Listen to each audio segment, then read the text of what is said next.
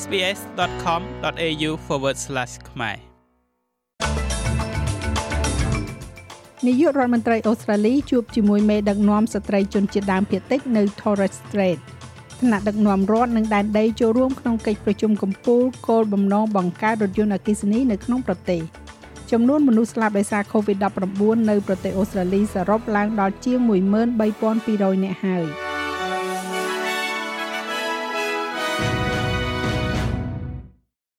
លោកនាយករដ្ឋមន្ត្រី Anthony Albanese មានប្រសាសន៍ថាលោកមានការគ្រប់គ្រងជាឯកច្ឆ័ន្ទសម្រាប់សម្លេងទៅកាន់សភានិងគ្រប់គ្រងដល់ការទទួលស្គាល់រដ្ឋធម្មនុញ្ញសម្រាប់ជនជាតិដើមភាគតិច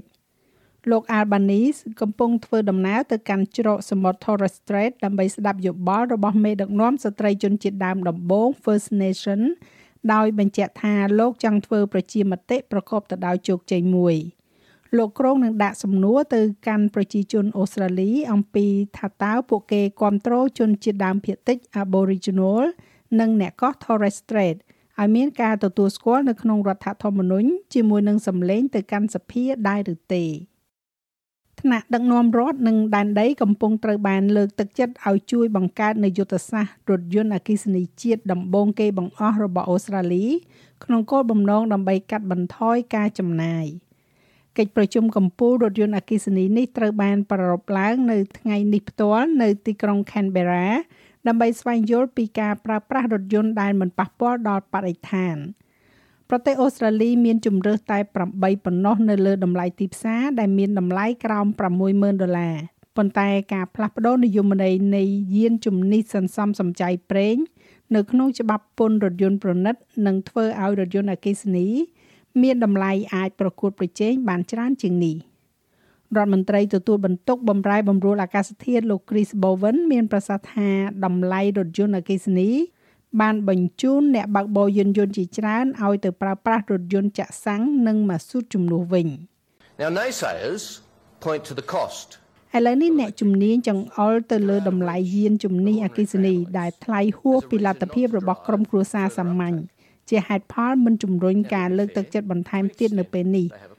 មានអ្នកប្រើប្រាស់ជាច្រើនចាប់អារម្មណ៍នឹងការទិញរថយន្តអគ្គិសនីឬក៏ EV ប៉ុន្តែបើទោះបីជាពួកគេអាចរកទិញបានជាមួយនឹងការផ្គត់ផ្គង់មានកម្រិតនេះក៏ដោយក៏ពួកគេមិនមានលទ្ធភាពទិញវាដែរបរិះម្នាក់ដែលត្រូវបានកាត់ទោសជុំវិញទួនាទីរបស់គាត់ក្នុងការបំផ្ទុះគ្រាប់បែកដ៏សាហាវនៅកោះបាលី អាចត្រូវបានគេដោះលែងមុនពេលកំណត់បន្ទាប់ពីបានអនុវត្តទោសត្រឹមតែពាក់កណ្ដាលនៃការជាប់ពន្ធនាគាររយៈពេល20ឆ្នាំការវាយប្រហារក្នុងឆ្នាំ2002បានសម្លាប់មនុស្សអស់ជាង200នាក់ដែលក្នុងនោះមានជនជាតិអូស្ត្រាលី88នាក់ហើយវានៅសល់មិនដល់2ខែទៀតទេនឹងដល់ខួបលើកទី20នៃការផ្ទុះគ្រាប់បែកនេះនៅខែតុលាឆ្នាំ2022 រដ្ឋាភិបាលអូស្ត្រាលីនិយាយថាខ្លួនកំពុងធ្វើតំណាងការទូតទៅកាន់ប្រទេសឥណ្ឌូនេស៊ីពីព្រោះការដោះលែងមុនពេលកំណត់នេះអាចបន្ថែមនឹងការប៉ះទង្គិចផ្លូវចិត្តដល់ក្រុមគ្រួសារជនរងគ្រោះប្រទេសអូស្ត្រាលីកំពុងតែខិតកាន់តែគៀកទៅក្នុងការឈានដល់ចំនួនករណីឆ្លងនៃ COVID-19 ដល់ទៅ10លានករណី ចាប់តាំងពីការចាប់ផ្ដើមនៃโรគរាតត្បាតនេះជាមួយនឹងការស្លាប់សរុបឡើងដល់ទៅជាង13200នាក់ហើយករណីសកម្មនៃ COVID-19 មានប្រមាណជា185,000ករណីនៅទូទាំងប្រទេសហើយចំនួនករណីឆ្លងសរុបកំពុងតែធ្លាក់ចុះដោយសារតែរលក Omicron បានធូរស្បើយហើយនៅក្នុងប្រទេសអូស្ត្រាលី។ ប៉ុន្តែនៅក្នុងតួលេខនៅថ្ងៃសុក្រនេះអូស្ត្រាលីកត់ត្រាចំនួនមនុស្សស្លាប់ដោយសារ COVID-19 ចំនួន73នាក់រួមទាំង27នាក់នៅរដ្ឋ Victoria 22នាក់នៅរដ្ឋ New South Wales និង14នាក់នៅរដ្ឋ Queensland តនន័យចុងក្រោយបង្អស់នេះកើតឡើងនៅពេលដែលមន្ទីរពេទ្យនៅទូទាំងប្រទេសបន្តជួបកង្វះបុគ្គលិកនិងពេលវេលារងចាំយូរនៅក្នុងផ្នែកសង្គ្រោះបន្ទាន់និងសម្រាប់សេវាកម្មផ្សេងទៀត វិជ្ជបណ្ឌិតសង្គ្រោះបន្ទាន់និងជាអតីតអនុប្រធាន AMA លោក Steven Panis បានប្រាប់ស្ថានីយទូរទស្សន៍ប៉ុស្តិ៍លេខ7ថាការបំពេញតម្រូវការបុគ្គលិកគឺជាបញ្ហាប្រឈមដែលកំពុងបន្ត There are short-term solutions like bringing people from មានដំណោះស្រាយរយៈពេលខ្លីដូចជាការនាំមនុស្សមកពីបរទេសបញ្ហានោះគឺថាយើងយកពួកគេចេញពីប្រទេសដែលតម្រូវការបុគ្គលិកថែទាំសុខភាពកាន់តែច្រើនជាងយើងទៅទៀត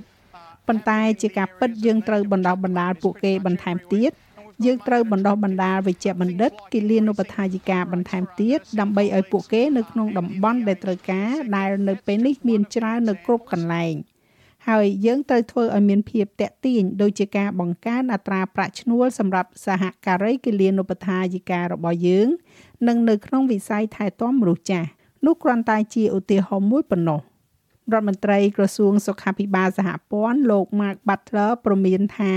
សម្ពាធលើប្រព័ន្ធមន្ទីរពេទ្យសាធារណៈរបស់ប្រទេសអូស្ត្រាលី ទំនងជានឹងបន្តជាមួយនឹងការខ្វះខាតបុគ្គលិកនិងពេលវេលារងចាំយូរដែលត្រូវបានរាយការណ៍នៅមន្ទីរពេទ្យមួយចំនួននៅទូទាំងប្រទេសនៅឯប្រទេសកំណើតវិញកម្ពុជាទទួលបាននៅជំនួយថ្នាំវ៉ាក់សាំងពីអេស្ប៉ាញនិងថ្នាំព្យាបាល COVID ពីអង្គការសហប្រជាជាតិ វ៉ាក់សាំងបង្ការជំងឺ COVID-19 ចំនួន30ម៉ឺនដូសប្រភេទ Pfizer ដែលសម្រាប់ចាក់ឲ្យកុមារត្រូវបានរដ្ឋាភិបាលអេស្ប៉ាញប្រគល់ជូនរដ្ឋាភិបាលកម្ពុជា កាលពីព្រឹកថ្ងៃទី18ខែសីហាម្សិលមិញនេះ នៅឯវិមានសន្តិភាពក្នុងរាជធានីភ្នំពេញក្រោមអធិបតីភាពលោកនាយករដ្ឋមន្ត្រីហ៊ុនសែននិងលោកស្រី Christina Aguilar ភារៈធារីស្ដីទីនៃស្ថានទូតអេស្ប៉ាញប្រចាំនៅកម្ពុជា។ អំណោយនេះគឺជាលទ្ធផលនៃកិច្ចព្រមព្រៀងរវាងរដ្ឋមន្ត្រីនៃក្រសួងស្ថាប័នរបស់យើងទាំងពីរនិងការកិច្ចសហការជាមួយនឹងយន្តការការពារជនស៊ីវិលនៃសហភាពអឺរ៉ុបចាស់លោកមេងផាឡានឹងជួនសេចក្តីរាយការណ៍លម្អិតនៅវគ្គក្រោយបន្ថែមទៀតឬលោកអ្នកអាចបើកស្ដាប់របាយការណ៍ពេញលើគេហទំព័ររបស់យើងនោះគឺ sps.com.au/ ខ្មែរ ប្រមុខអង្គការសហប្រជាជាតិបានចូលរួមជាមួយនឹងមេដឹកនាំនៃប្រទេសទួរគីនិងអ៊ុយក្រែនដើម្បីពិភាក្សាអំពីវិធីសាស្ត្រសម្រាប់ការបញ្ចប់ការឈ្លានពានរបស់រុស្ស៊ីបន្ទាប់ពីមានការប្រយុទ្ធគ្នាជាច្រើនខែមកហើយប្រធានាធិបតីទួរគីលោក Recep Tayyip Erdogan និយាយថាលោកនិងអគ្គលេខាធិការអង្គការសហប្រជាជាតិលោក Antonio Guterres បានរួមចំណែកនៅក្នុងកិច្ចពិភាក្សាដើម្បីស្ដារការចរចាសន្តិភាពជាមួយនឹងអ៊ុយក្រែនលោក Guterres បានអំពាវនាវជាថ្មីម្ដងទៀតឲ្យបញ្ចប់ចំនួនដោយបញ្ជាក់ថាលោកមានការព្រួយបារម្ភយ៉ាងខ្លាំងអំពីស្ថានភាពដែលកំពុងតែកើតឡើងខណៈពេលដែលលោកស្ថិតនៅក្នុងសន្និសីទកាសែតជាមួយនឹងលោក Volodymyr Zelensky នៃប្រទេសអ៊ុយក្រែន។ ដោយដែលខ្ញុំបាននិយាយម្ដងហើយម្ដងទៀតការឈ្លានពាននេះគឺជាការរំលោភលើបូរណភាពទឹកដីនៃប្រទេសអ៊ុយក្រែន និងធម្មនុញ្ញអង្គការសហប្រជាជាតិសង្គ្រាមបាននាំមកនូវការស្លាប់បាត់បង់ជីវិតជាច្រើន ការបំផ្លិចបំផ្លាញនិងការផ្លាស់ទីលំនៅដ៏សម្បើមនិងការរំលោភសិទ្ធិមនុស្សយ៉ាងខ្លាំងប្រជាជនត្រូវការសន្តិភាព នៅក្នុងព័ត៌មានកីឡាបាល់ទាត់ AFL គ្រូបង្វឹក Premiership 4សម័យកាលគឺលោក Alastair Clarkson បានបញ្ញាថានឹងដឹកនាំក្រុម North Melbourne នៅក្នុងឆ្នាំ2023ដោយបដិសេធការងារនៅ Essendon លោក Clarkson កំពុងត្រឡប់ទៅកាន់ក្លឹបដែលលោកបានចាប់ផ្ដើមអាជីពលេងដំបូងរបស់លោកនៅឆ្នាំ1987វិញ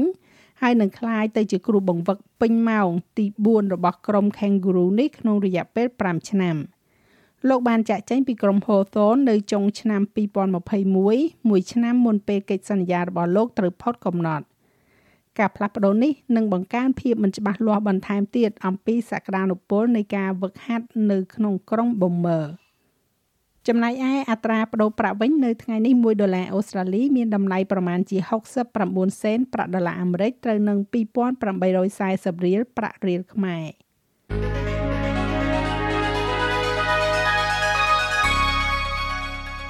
ឥឡូវយើងក៏លេខមកមើលការព្យាករណ៍អាកាសធាតុសម្រាប់ថ្ងៃសៅរ៍ស្អែកនេះវិញទីក្រុងផឺតមានពពកដោយពេល20អង្សាអាដាលេដរលឹមតែជប់ទៅវិញ17អង្សា Melbourne ដូចគ្នាដែរ13អង្សា Hobart រលឹមបន្តិចបន្តួចតែស្រឡះមកវិញ11អង្សា Canberra ត្រជាក់ខ្លាំងនៅពេលព្រឹកមានពពក13អង្សា ទីក្រុង Sydney មានពពកដោយពេល20អង្សា បើកថ្ងៃនៅ Brisbane 24អង្សា ទីក្រុង Cairns មានពពកដោយពេល28អង្សា បើកថ្ងៃនៅ Darwin 33អង្សា មានភ្លៀងរន្ទះនៅទីក្រុងភ្នំពេញ 34អង្សា